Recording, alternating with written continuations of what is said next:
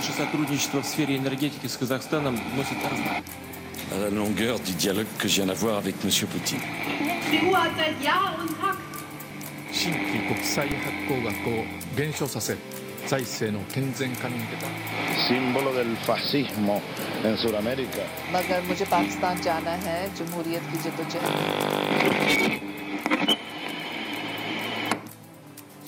Velkommen til semesterets aller første utgave av Umir.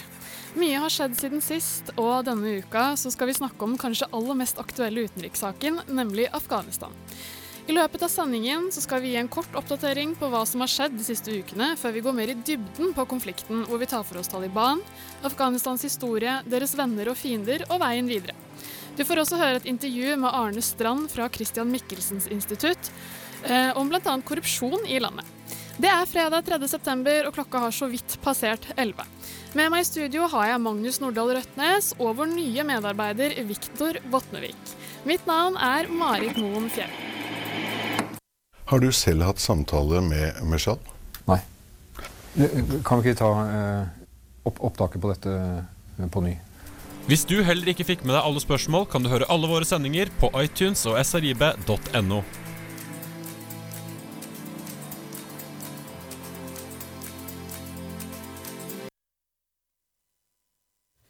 Og da var vi tilbake. Eh, Magnus, som jeg nevnte innledningsvis her, så har det jo skjedd mye i Afghanistan de siste ukene. Kan du eh, oppsummere i korte trekk eh, hva som er det viktigste? Det viktigste er at eh, USA og USAs Nato-allierte, deriblant Norge, har trukket seg helt ut av Afghanistan. Alt militærpersonell er ute, og veldig mange sivile har forlatt landet. Både de som har ønsket å komme seg ut, og de som har eh, hjulpet eh, da USA, eh, Storbritannia andre land som militær støtte. Da. Eh, men ikke alle har dratt ut. Og eh, mens denne evakueringen skjedde, så kollapset regjeringsstyrkene til de afghanske myndighetene, og nå eh, er Taliban i besittelse av Kabul og nesten hele landet. Så de styrer kjapt av. Eh, I tillegg har det vært terrorangrep på flyplassen i Kabul, mens USA prøvde å evaku evakuere sivile og militærpersonell så angrep ISK, eh, Kabul International, eh, med to selvmordsbomber som drepte 13 amerikanske tjenestemenn og -kvinner, og nærmere 200 sivile. Mm. Hvorfor har vi valgt å trekke oss ut? Det er, altså det er relativt komplisert, men kort fortalt er det jo fordi man er fra USA sin side først og fremst er ekstremt lei av denne krigen. Mm. Det har vært stillestående veldig lenge.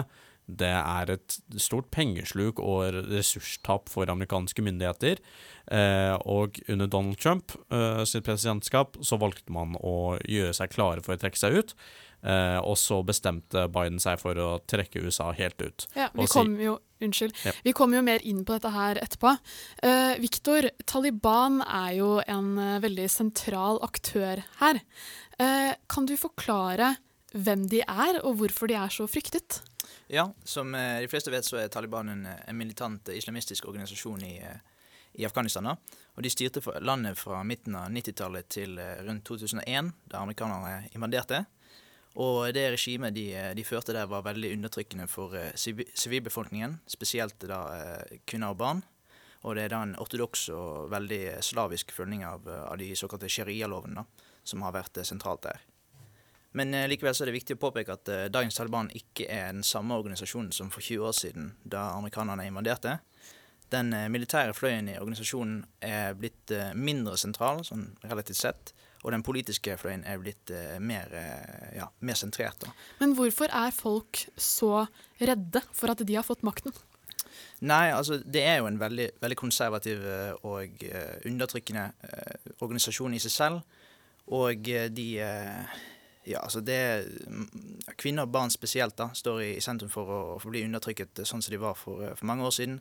Og det er mange som frykter at eh, de, eh, de løftene som de har kommet med eh, om, om flere rettigheter og sånn, ikke blir holdt, eller at det rett og slett bare er, er bedrageri.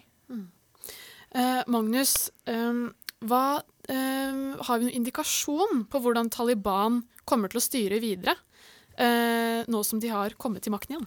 Ja, eh, de har sagt at de skal være en, et islamistisk emirat. Eh, det er effektivt eh, så ønsker de et prestestyre i, i, landet, hvor lederen av Taliban også er da fungerende president. Hva menes med prestestyre?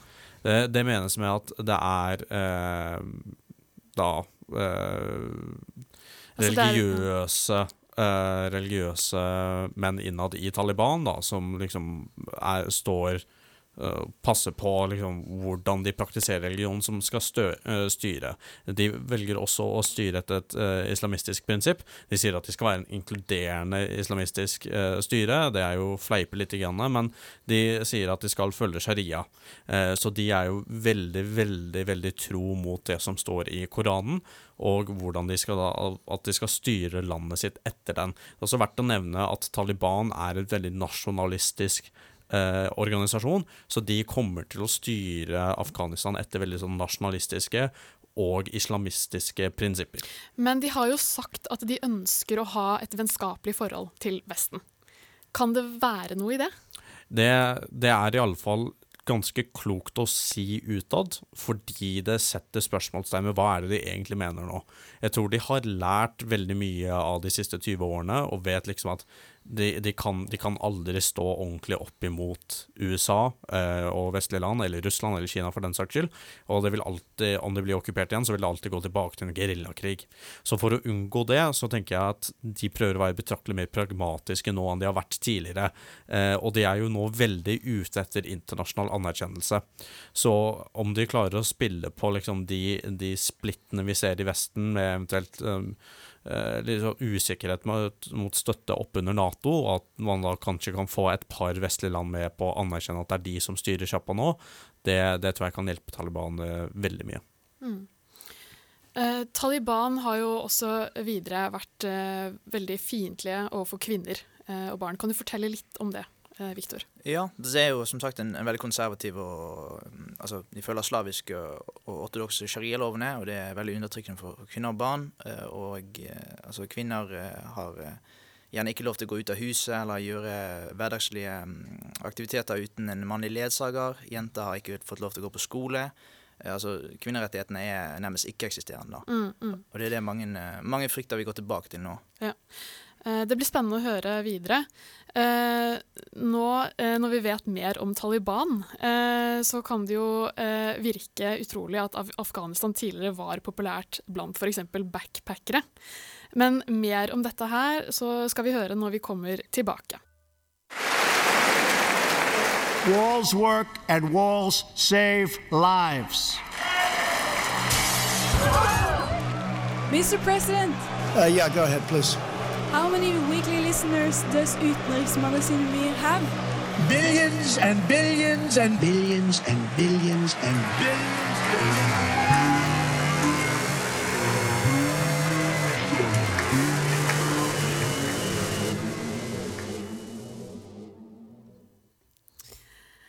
Og da var vi tilbake.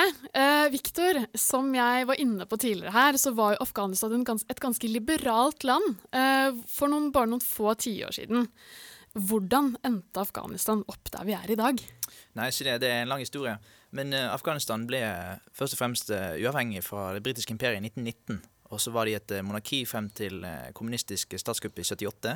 Og hvordan var det under monarkiet? Nei, det var eh, langt mer liberalt enn eh, en det Afghanistan vi ser i dag og, og for 20 år siden.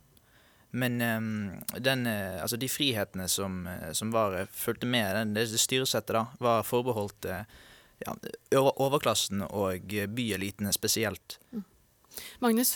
Det, vi kan dra sammenligninger her til Iran før den uh, muslimske revolusjonen der i 79, hvor bildene vi har fra den tiden, viser et veldig, sånn, uh, veldig vestlig uh, eller vestlig inspirert levestil da, i, i de urbane miljøene. Det var jo Coca-Cola i, i, Afghanistan før, før, kommunistene tok over, for å si det sånn.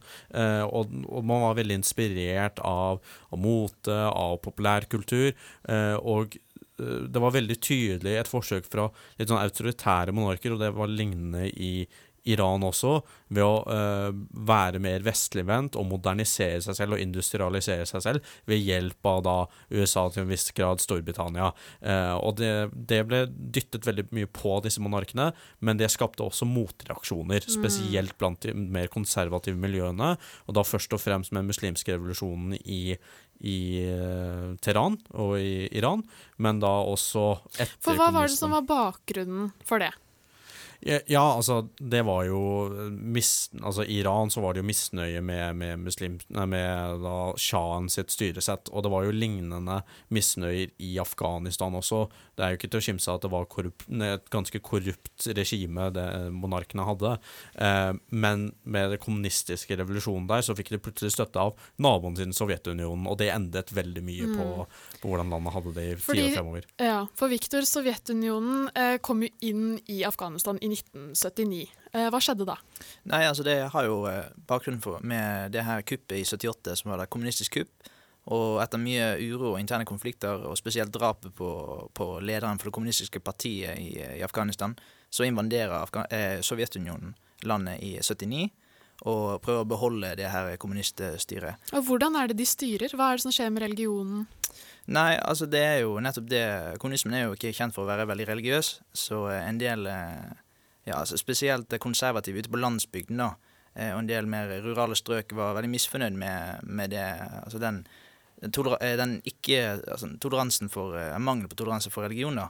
Og det skapte en grobunn for, eh, ja, for veldig mye senere konflikter som, som vi ser. Det er verdt å nevne at det er mange etnis forskjellige etnisiteter som bor i Afghanistan. Du har pashtun, som er virkelig den store, men det bor også tja- tajikere og, og til en viss grad uigere som eh, bor i nabo, altså i Kina. Eh, og det har vært mange buddhister der også, eh, og det har vært et lappeteppe av religioner eh, historisk også. Så det at eh, man enten prøver å innføre et helhetlig styresett, enten med kommunisme eller med med å være autorativ og med, med, med vestlig ideologi, det skaper splittelser i befolkningen, for ikke alle blir inkludert. da.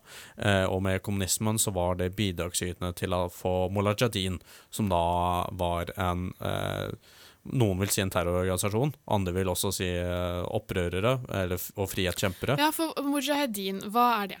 Det er altså det er en, eller var en fellesbetegnelse, slik jeg forstår det, på veldig mange ulike mindre grupperinger i Afghanistan som kjempet mot Sovjetunionen, Mm. primært. Ja, Så uh, mujahedin og Taliban er ikke det samme?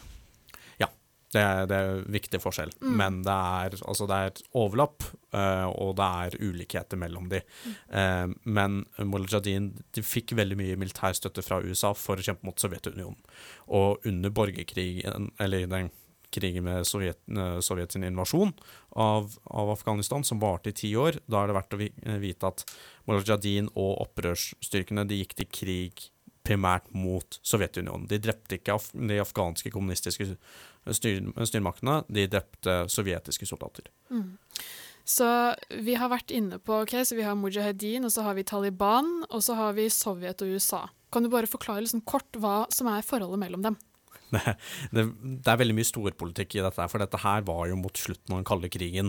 Eh, og det var jo en stor ideologisk konflikt mellom USA og Sovjetunionen, som vi vet. Og det utspilte seg i de mindre statene rundt omkring i verden, bl.a. i Afghanistan. Da. Eh, og det at Sovjetunionen etter hvert trakk seg ut av Afghanistan, det var et sånn sannhetstegn for USA om at yes, nå vinner vi. Dette her går vår vei. Eh, Sovjetunionen kommer til å falle. Og det gjorde det ikke mange årene etter også. Men det var mye storpolitikk som eh, ble dratt inn i dette relativt eh, mellomstore asiatiske landet, som var ekstremt fattig, hvor stormaktene egentlig ut, altså slåss om dominans. Da. Ja. Eh, hvordan har grov korrupsjon påvirket Afghanistan? Eh, når vi straks kommer tilbake, eh, så skal vi forsøke å få svar i et intervju med Arne Strand, direktør for U4 Antikorrupsjons ressurssenter for CMI, utført av eh, vår programsjef Jakob Kirkholt.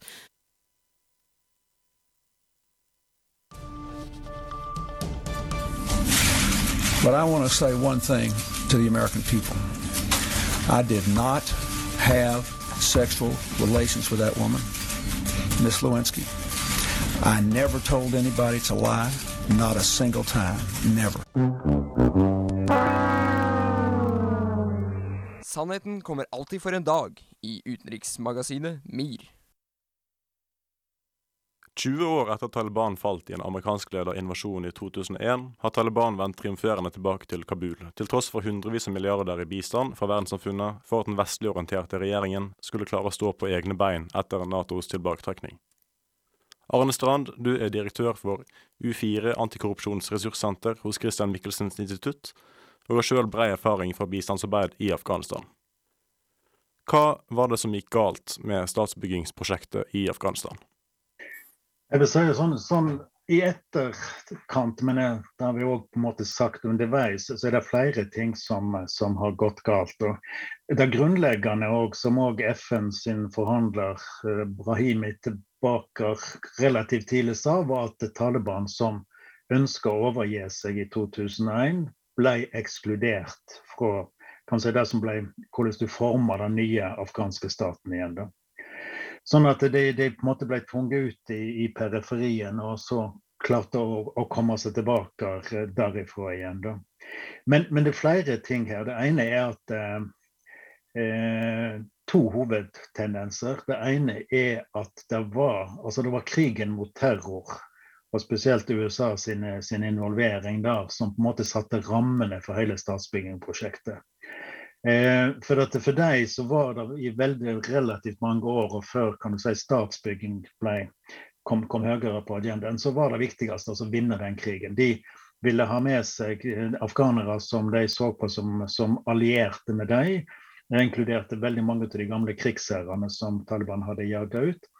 Og de, de, på en måte avgrensa kan si, si, både statsbyggingsprosjektet, altså i forhold til hva konstitusjon som skal komme, eh, hvem som ble valgt som president, og, og, tok veldig mange sånne grep for antageligvis for at de trodde da, at de lettere skulle kunne si, føre krigen mot terror igjen. Da. Og så kom statsbyggingsprosjektet, som da du fikk innsatt en, en, president som de trodde skulle være lojal til, til, USA. Du fikk på plass en grunnlov som sånn sett er grei, men som ble brutt med en gang, for de tillot at gamle krigsherrer ble valgt inn i regjeringer. Du fikk en samlingstype regjering der de som på en måte hadde både de gamle krigsherrene ble tildelt mer eller mindre ministerier igjen. Så alt det som på en måte var støtta blant afghanerne og internasjonalt, og så mye penger ble, ble satt inn på det helt fra starten av. Altså, det ble aldri det som, som drømmen var. Det ble noe som ble hijacka av en liten elite, ofte med en militær bakgrunn, som så i nå i løpet av alle disse årene har beholdt makta, og i veldig stor grad brukt den makta til å berike seg sjøl. Så på mange måter så har ikke Taliban behøvd å gjøre så mye, for at folk har i veldig stor grad følt at de ikke har fått den støtten som de var lova. De har ikke fått det demokratiet som de har blitt lova. Og mens de har sett at enkelte har virkelig vært fryktelig rike og kjøpt seg store hus i Dubai og, og, og internasjonalt. Så det er en blanding av eh, kanskje en for rask prosess å gjennomføre valg etter fem år i et land som har kommet ut av 40 år med konflikt, er for tidlig. Så der, ligger en del læring her rett og slett på det. Men det, hovedgreiene er at det var krigen mot terror som fikk lov til å komplett sette rammene og avgrense det som kunne ha vært en eh, mer langvarig statsbyggingsprosjekt. Eh, det såkalte Afghanistan Papers, eh, som er en lang serie med intervjuer av amerikanske tjenestemenn, diplomater og private kontraktører og militæroffiserer, som er begått av det såkalte Special Inspector General for Afghanistan Reconstruction, som er et oversiktsorgan opprettet av Kongressen. I den rapporten kommer det fram at ca. opp mot 40% av amerikansk bistand, som var på ca. 144 milliarder kroner fra 2001 til 2021, har endt opp i hendene på krigsherrer, kriminelle, korrupte tjenestemenn og til og med terrorister. Eh, Sammenlignet så har Norge gitt 12,3 milliarder i bistand. Hvor mye tror du av norsk bistand har endt opp i korrupte lommer? Nå må også på at Norge og USA her har operert helt forskjellig. Mesteparten, en god del i fall av den amerikanske bistanden, har de kjørt separat og utenom både afghansk regjering og kan du si de felles bistandskanalene igjen. òg, da. Eh, USA brukte òg mye mer inn altså til militært leda eh, bistand, militært styrt bistand, enn hva Norge gjorde, som hadde et klart skille mellom norsk og, og, og eh, si, afghansk bistandskanaler igjen. Da. Så, så det, er, det, er, litt vanskelig å sammenligne. Eh, men hvis vi tenker sånn, mye av den norske bistanden gikk til det som er multidonor trust fund, altså at Verdensbanken og eh, FNs utviklingsprogram leda og organiserte to større prosjekt, som da i hovedsak kanaliserte sin finansiering gjennom afghanske myndigheter, men òg i veldig stor grad så var det frivillige organisasjoner, afghanske og internasjonale, som gjennomførte disse prosjektene. Det betyr at de hadde mye større kontroll med det. Men likevel så pga. den utbredte korrupsjonen i eh, afghanske myndighetsapparatet, så var det mye av disse pengene som òg har forsvunnet. Eh, Bl.a. det som gikk til utdanningsstøtte, så det er vel dokumentert på at eh, det var veldig mange ghost schools rundt omkring. Det var elever som, eh, som ikke eksisterte, det var lærere som uh, sto på lønningslister og sånt. Men dette her har vi jobba mer systematisk med. Det er litt av dilemmaet med den amerikanske støtten, og som lederen for Sigar John Sopkes hele tida påpeker, er at USA har visst om dette, men de har ikke gjort noe med det. Pga. at det overordna målet om krig mot terror og å holde sine allierte si, vennlige mot dem, har fått lov til å dominere igjen. Da. Det har vært Sokke sin, sin, kritikk i veldig mange år, og han har prøvd i stadig større grad å få si, flere på, på, amerikansk side til å lytte på ham. Det var derfor han gikk ut relativt nylig og sa at ja, dette har vi visst lenge, det er bare ikke en politisk vilje til å gjøre noe med det. Det har vært en større vilje, politisk vilje på norsk side og de fleste andre donland til å gjøre noe med det, til å, å og kontrollere det igjen. Da. Samtidig er det helt umulig å si at ikke norsk bistand har blitt misbrukt. All bistand har blitt misbrukt, men graden er mindre på norsk side enn på amerikansk side. Se me sanciona porque convoco elecciones generales para que el pueblo vote libremente y elija una institución como la Asamblea Nacional Constituyente. Forstår du ikke hva Venezuelas president Nicolas Maduro sier her? Frykt ikke, for utenriksmagasinet MIR rapporterer på hele Latin-Amerika og resten av verden, slik at du kan få med deg de viktigste utenriksnyhetene.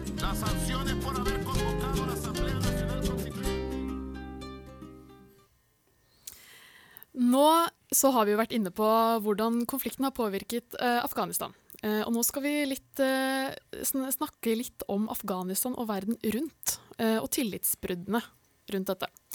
Magnus, som vi har vært inne på her, så har jo, eh, så har jo denne konflikten eh, vært et storpolitisk spill, rett og slett. Mm.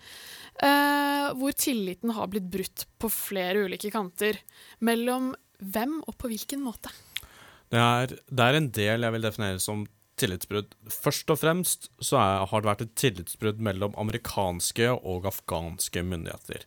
Um, det kan være fordi amerikanske myndigheter rett og slett bare ikke valgte å så varsel, altså varselsteinene som uh, de fikk av uh, etterretningstjenesten sin. Men uh, amerikanske myndigheter hadde tillit til at de afghanske myndighetene og det afghanske militæret ville klare å faktisk slåss mot Taliban, og at de ikke ville da bare stikke med en gang. det at presidenten i Afghanistan bare evakuerte langrennet uten å si ifra til kabinettet sitt i det hele tatt, det var også et stort tillitsbrudd. og man hadde denne troen på at etter 20 år, da, og jeg tror det er nærmere én Ja, iallfall én billion norske Nei, en billion dollar i investeringer i landet, så ville de faktisk klare å uh, slåss for seg selv. Og Det var jo det Biden lenge trodde. Um, og de hadde mye tillit til hverandre, og, og den har blitt brutt. Også fordi uh, amerikanerne valgte, valgte, å trekke seg ut og gjøre det mye hyppigere enn de afghanske myndighetene først trodde at de ville gjøre. Um, at de amerikanske myndighetene sa heller Vet du hva, nå gidder vi ikke mer. Vi drar vekk herifra. Ja. Vi skal litt tilbake til eh, Vesten etterpå, eh, men Viktor, det er jo ikke bare de vestlige maktene her som har hatt en finger med i spillet. Hva med f.eks. Russland og Kina? Nei, Det er jo ingen tvil om at eh, Russland og Kina eh, nyter veldig synet av at deres rival eh, USA blir ydmyket, og, altså, som de har blitt de siste ukene og månedene. Russland har jo siden intervensjonen i Ukraina i 2015 prøvd å ta en større rolle internasjonalt og prøver å lansere seg selv som en alternativ internasjonal leder i, i konflikter, bl.a. i Syria og andre steder. Så de er nok veldig fornøyd med det her, men, men samtidig så eh, prøver de å bevege seg ikke for fort. da. Og vi må ikke glemme at Taliban også er en svartelistet organisasjon, altså terrororganisasjon, nedskrevet i russisk lov. Russland var jo involvert på 70-tallet. Hvordan påvirkes det nå? Nei, altså eh, de var eh, involvert på, på 70-tallet, det er riktig, og eh, de gikk på en smell der, for å si det mildt. Og Taliban var På hvilken måte da? Nei, det kan du si.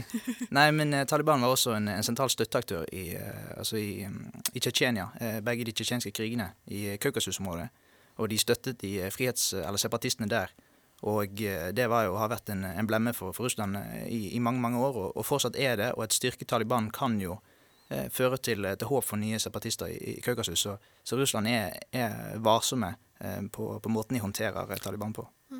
Magnus, eh, Pakistan og Afghanistan de har jo også et visst eh, forhold her. Ja, og det er veldig interessant, for her er det en del momenter eh, hvor Pakistan egentlig har spilt på begge sider av denne konflikten. Eh, Pakistan er, og det er verdt å understreke, myndighetene og militæret som effektivt styrer landet. Det er, det er ingen monolitt. Det er mange ulike grupperinger her som slåss om innflytelse. Men noe som har vært veldig samlende for dem, har vært at Pakistan støtter Taliban, samtidig som Pakistan er en alliert av USA. Og det er veldig rart, for USA veldig, altså, har veldig sterkt behov for å være alliert med både Pakistan og India, så at det ikke blir krig på det subkontinentet. Eh, samtidig så har de brukt Pakistan som en base for, eh, for å invadere Afghanistan. Men Hvorfor det? Hvorfor? Det er jo altså, det er en det storpolitiske her men USA har hatt behov for å ha, uh, ha allierte på det feltet i og rundt, altså rundt Kina. Uh, men grunnen til at Pakistan støtter Taliban, er egentlig delt opp i tre ulike ting. Først og fremst så er det ideologi. Pakistan er en muslimsk republikk. De vil ha et muslimsk styresett i nabolandet sitt, mm. i, eh, som styrer Kabul. Nummer to? Eh, eller, nei, nummer to er jo at de ønsker en mer stabil grense. Er, altså, de er veldig redd for nasjonalisme, uh, i den forstand at pashtu-befolkningen, som jeg snakket litt om uh, tidligere, er delt mellom Afghanistan og Pakistan. Så pashtu-nasjonalister vil jo da f.eks.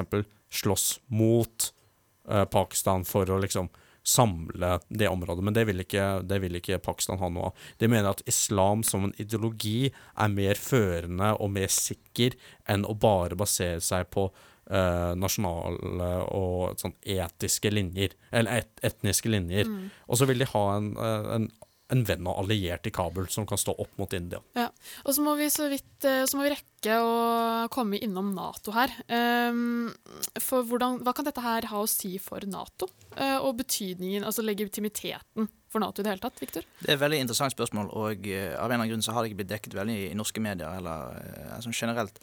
Og jeg er glad for at du spurte om det. man skulle kanskje tro at en, en del andre, altså europeiske land og Nato-stater, mister respekten eller jeg eh, tenker at USA har mistet tilliten for, eh, for USA som, som, leder av, av organisasjonen, eller symbolsk leder. Men det synes ikke å være tilfellet. Og Nato har også lagt seg på en, på en linje med der de har prøvd å legge skyld på, på Afghanistan og afghanske myndigheter mer enn en deres egen taktikk. Jens Stoltenberg, eh, vår kjære nordmann i Brussel, han var jo riktignok rettet en, en, pekefinger mot, mot Natos uh, måte å trene opp uh, styrker på, men, men har, uh, ja, har lagt mesteparten av skyld på Afghanistan. Men, eh, men, mange eh, land ser på det her som kanskje en, en omprioritering, da, rett og slett. Av, eh, av Natos prioriteringer, og, og, at det kanskje er være mer fokus på Europa og ikke så mye rundt i, i landet. i verden. For USA sin del så handler jo dette om å frigjøre ressurser til å bruke andre steder i verden. Det, Nato har tydelig lært av blemmen ved invasjonen i Libya, eller bombingen av Libya. De har nå også lært veldig bekostningen av å drive med samfunnsbygging i, eller nasjonsbygging i Afghanistan. Så hvordan de kommer til å omprioritere og bruke ressursene sine, er veldig interessant å se. Men med Russland på én side og at Kina som vokser, så er det veldig tydelig at Nato kommer til å være aktuelt i fremtiden også. Så du kan mye om norsk politikk? Hva med Saudi-Arabia? Hva med UAE? Hva med Kuwait? Hva med uh, hele Latin-Amerika? Hva med hele Sør-Amerika? Hva med hele Asia? Hva med Japan? Hva med Kina? Hva med Russland? Hør på utenriksmagasinet MIR, og få med deg hva som skjer i resten av verden også.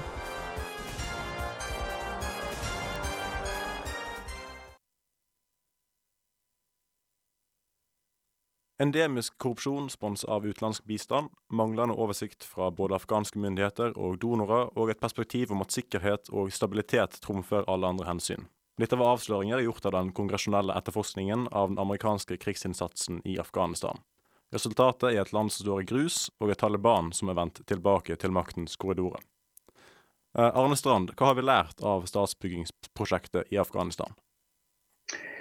Jeg mener Vi har lært litt forskjellige ting som, som er nødt til å ta med oss. Det ene er at å tro at du kan på en måte demokratisere og kan si, få, få på plass vår, vår form rundt å tenke demokrati og valg og alt sånt i løpet av det var, det var satt en femårsgrense på det til, til at mye av dette skal være gjennomført.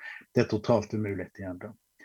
Eh, du, du, må ha lengre perspektiv på det. og Det, det ligger en del internasjonal forskning som tilsier også at samme om det er et ønske om å, å, få gjennomført valg, så bør du bruke lengre tid på det enn å la det være et sånt avgjørende punkt for en såkalt demokratiprosess.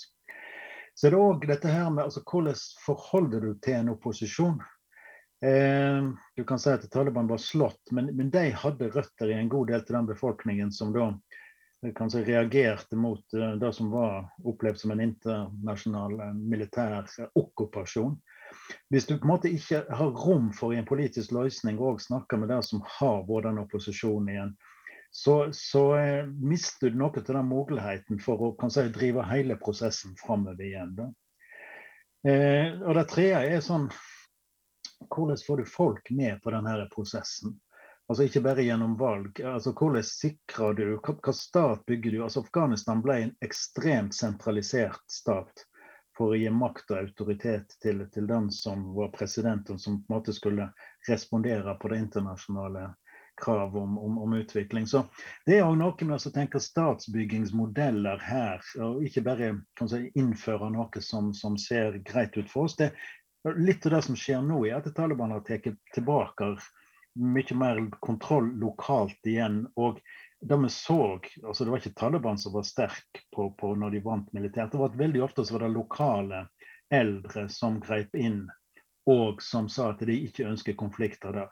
Et element som sånn sett ikke var tenkt på, men som står veldig sterkt i Afghanistan. Så hvordan kan du tenke deg en form for statsbygging som òg respekterer at det er lokale strukturer, at det er folk som ønsker et ord med, med i laget på det hele. Så jeg tror det er liksom tre av, av hovedgreiene. Men kanskje hovedkonklusjonen er òg at militær makt har sin begrensning. Militær makt som har sett brukt nå, spesielt under krigen mot terror, ser ut til å ha bare medført flere ved ekstremt stor mengde med tapte sivile liv og militære òg, men har gitt mindre på det som virkelig er en utvikling for disse landene. Rent konkret, eh, hva føler du kunne, vært, kunne vært gjort annerledes i eh, statsbygginga i Afghanistan? Helt konkret så kunne det altså konkret én Taliban hadde blitt tatt med i det som ble forhandlinger med ny regjering. To, eh, du hadde hatt en aksept på at den afghanske måten med Løya Jirga storråd, som ble, ble, starten på det hele for å få valgt president og få satt på konstitusjon, den praksisen kunne vært holdt fram lenge. Og du hadde en større delegering av, av eh, si, makt og autoritet lokalt i landet. Du måtte hele tida sikre at en, altså de forskjellige etniske og religiøse gruppene hadde en innflytelse på den prosessen. Men nå ble alt fokus på at du skal gjennomføre valg, og veldig mye ressurser ble gjennomført på noe som skulle se fint ut mot det internasjonale samfunnet, men du fragmenterte det, det, det internt. Det med bygging av et parlament gikk òg altfor raskt. Diskusjonen rundt en konstitusjon gikk altfor raskt. Det, det var noe med hvordan dette her ble tvunget fram for at det skulle se pent ut, mer enn at det fikk en forankring i lokalbefolkningen igjen. Da. Og så er det en krig som har vart i, i 20 år. Altså Diskusjonen om når skal militære styrker ut, når skal en overlate det til, til de som sitter lokalt. Altså, Det burde vært kommet for minst ti år siden, og ikke i dag. Og så er det òg hvem forhandler du med, og når. Det er hadde forhandlingene starta tidligere og vært seriøse på det hele, så tror jeg vi hadde unngått mye av det som hadde sett i dag. Men da måtte det være en større vilje òg til å inkludere Taliban på et, på et tidligere tidspunkt i de forhandlingene. Nå sitter de plutselig med alle kort, og det er et fryktelig dårlig utgangspunkt for, for videre utvikling av Afghanistan. Hva tror du, eller hva mener du at statsbyggingsprosjektet og bistanden til Afghanistan har oppnådd? I en kommentar til Bistandsaktuelt den 17. august så henviser du til helt konkrete positive resultater av bistanden, som øker utdanning, styrker helsevesen og styrker kvinners rettigheter. Men tror du denne fremgangen vil vare på lengre sikt, nå som Taliban har gjenvunnet makta? Du kan aldri ta utdanning fra noen. Det sitter i hodet. Og det er, en, det er en viktig bit av det som vil føre til at eh, Afghanistan vil se annerledes ut framover. Taliban har også fått utdanning. Så det, det, er noe som slår inn eh, De har vært en endret holdning til veldig mange ting på grunn både på grunn av media og at de har vært mer eksponert for, for det internasjonale samfunnet. Det vi ikke snakker så mye om, er kan si det, Iallfall til nå de varige effektene som du ser i forhold til, levetid, i forhold til mye utbygd helsevesen òg, som har gitt bedre helse for veldig mange. Det er mer et spørsmål om hvordan dette kan videreføres. Altså Sånn at ikke alt det som har vært investert, forsvinner. For Et element i det òg at det er blitt bygd en statsadministrasjon. Alle deler av den er ikke så, så bra, men, men han er iallfall et helt annet fundament å jobbe på framover enn hva du hadde før. Så dilemmaet er mer nå altså skal en straffe skal det internasjonale samfunnet straffe Afghanistan pga. at vi feiler og Taliban tok makt igjen med å kutte i bistand og humanitær hjelp? Det er det som for meg er akkurat det store dilemmaet nå. For hvis du ikke får en avtale med Taliban om, om videreføring av støtte til lærere, til helsearbeidere og for en humanitær bistand, så vil mye av det som er lagt på plass, faktisk forsvinne. Eh, for at du klarer ikke å bygge på det du har klart å få til.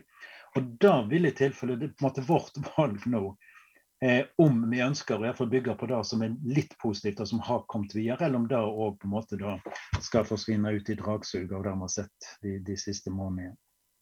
Tusen takk for at du kunne stille hos oss, Arne Strand, direktør for U4 Antikorrupsjonsressurssenter hos Christian Michelsens institutt.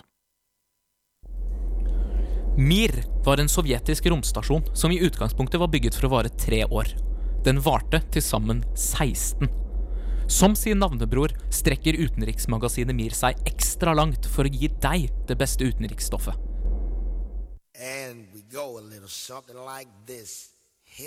President Obama said he did not feel that he deserved to be in the company of so many. The committee has attached special importance to, to Obama's vision of and work for a world free from nuclear that have been honored by this prize and whose courageous pursuit of peace has inspired the world.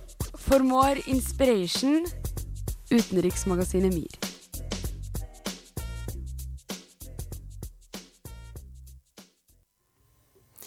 Eh, nå skal vi gå over til å snakke litt om hverdagen til folk flest og veien videre. Eh, Viktor, kan ikke du snakke litt om hvordan kvinner generelt har hatt det? Ja, det er i korte trekk ikke veldig bra. Men eh, nå har jo eh, det vært et litt annet regime de siste 20 årene, og nå som Taliban har, har tatt over, da, så har de kommet med en del løfter i forbindelse med kvinners stillinger og rettigheter. De har sagt at eh, kvinner kan gå på marked uten en mann i ledsager. De har eh, snakket noe om, om jenters eh, skolegang. Men eh, likevel så eh, har vi fått eh, meldinger om at Taliban har bedt kvinner i Kabul om å bli hjemme fordi at deres styrker og tropper ikke har blitt opptrent i anførselstegn i å respektere dem. da.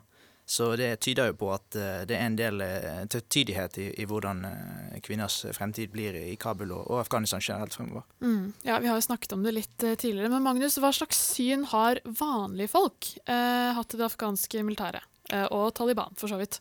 Det er ehm, Det må sies at det var enkelte deler av denne eh, nasjonsbyggingen som fungerte fra amerikanernes side som fungerte. Veldig mange spesielt jenter fikk eh, skolegang.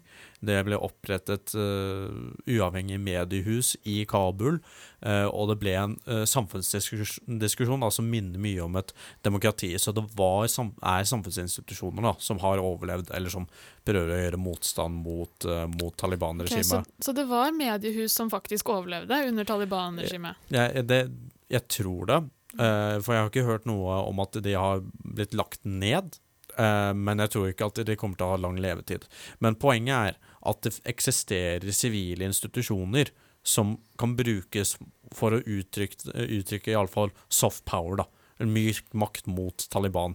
Når eh, befolkningen mister tiltroen til sitt eget militære, så er det heller sivilsamfunnet som må gjøre motstand. Og det har vi sett at det har vært eh, protester.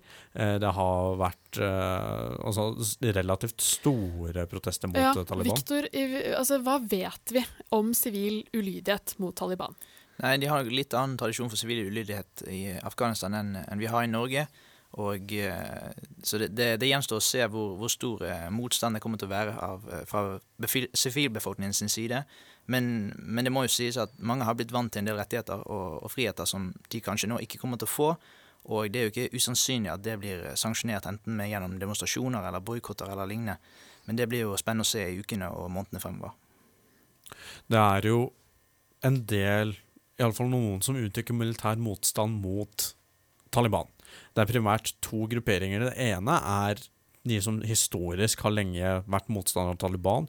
Relativt lokale militsgrupper eh, som nå utgjør motstand mot gru gruppen. Og så er det ISK. Eh, og det er verdt å skille mellom hva er ISK, og liksom hvorfor er det noe annerledes til Taliban eller Al Qaida. Og det er at ISK er liksom Det er den delen av IS, altså den islamske staten, den delen av det kalifatet som, øh, som etablerte seg i Afghanistan. Uh, og det er egentlig splinter fra Taliban selv, hvor det var medlemmer som var misfornøyd med retningen de gikk i. Uh, og de er jo effektivt en terrororganisasjon mot terrororganisasjonen Taliban. Så de prøver jo også å kuppe makten vekk fra Taliban, men de vil jo innføre et enda verre styresett da, i hermetegn, enn det Taliban fører nå. Så er, om man skal veie de opp mot hverandre, så blir det jo pest eller kolera, Ja. egentlig. Men, men de har samtidig kommet med terrorangrep mot eh, Taliban, og da med angrepet på Kabul flyplass. Mm. Victor, ut ifra hva vi vet nå, hvordan ser veien videre ut for Afghanistan? Nei, den er veldig usikker, og det kommer jo an på en del, en del poeng, da. Altså, internasjonalt sett så blir jo spørsmålet å se hvor mange stater som kommer til å anerkjenne Taliban som de rettmessige makthaverne i, i landet. Eh, og eh, altså medlemsland i FN, altså hvordan, hvordan vil vi forholde oss til det? Og nasjonalt sett, altså, så eh, kommer det til å være mye interne strider, både med militsgrupper, altså afghanske eh, tidligere afghanske regjeringsstyrker som fortsatt prøver å kjempe krigen som kanskje noen vil mene er tapt. ISK som prøver å ta over og skape et nytt kalifat. Og Taliban som prøver å rett og slett samle landet. da. Så det er veldig mye usikkerhet knyttet til det, og eh, det er jo egentlig bare en, en ting å gjøre, det er å vente og se hva som skjer. Ja, det blir spennende. Det var alt vi hadde i ukas utgave av Umir. Vi har snakket om Afghanistan og veien videre for det krigsherjede landet. Med meg i studio har jeg hatt Magnus Nordahl Røtnes og Viktor Botnevik. Intervjuene ble utført av programsjef Jakob Kirkholt. Han har også vært vår produsent. Mitt navn er Marit Moen Fjell.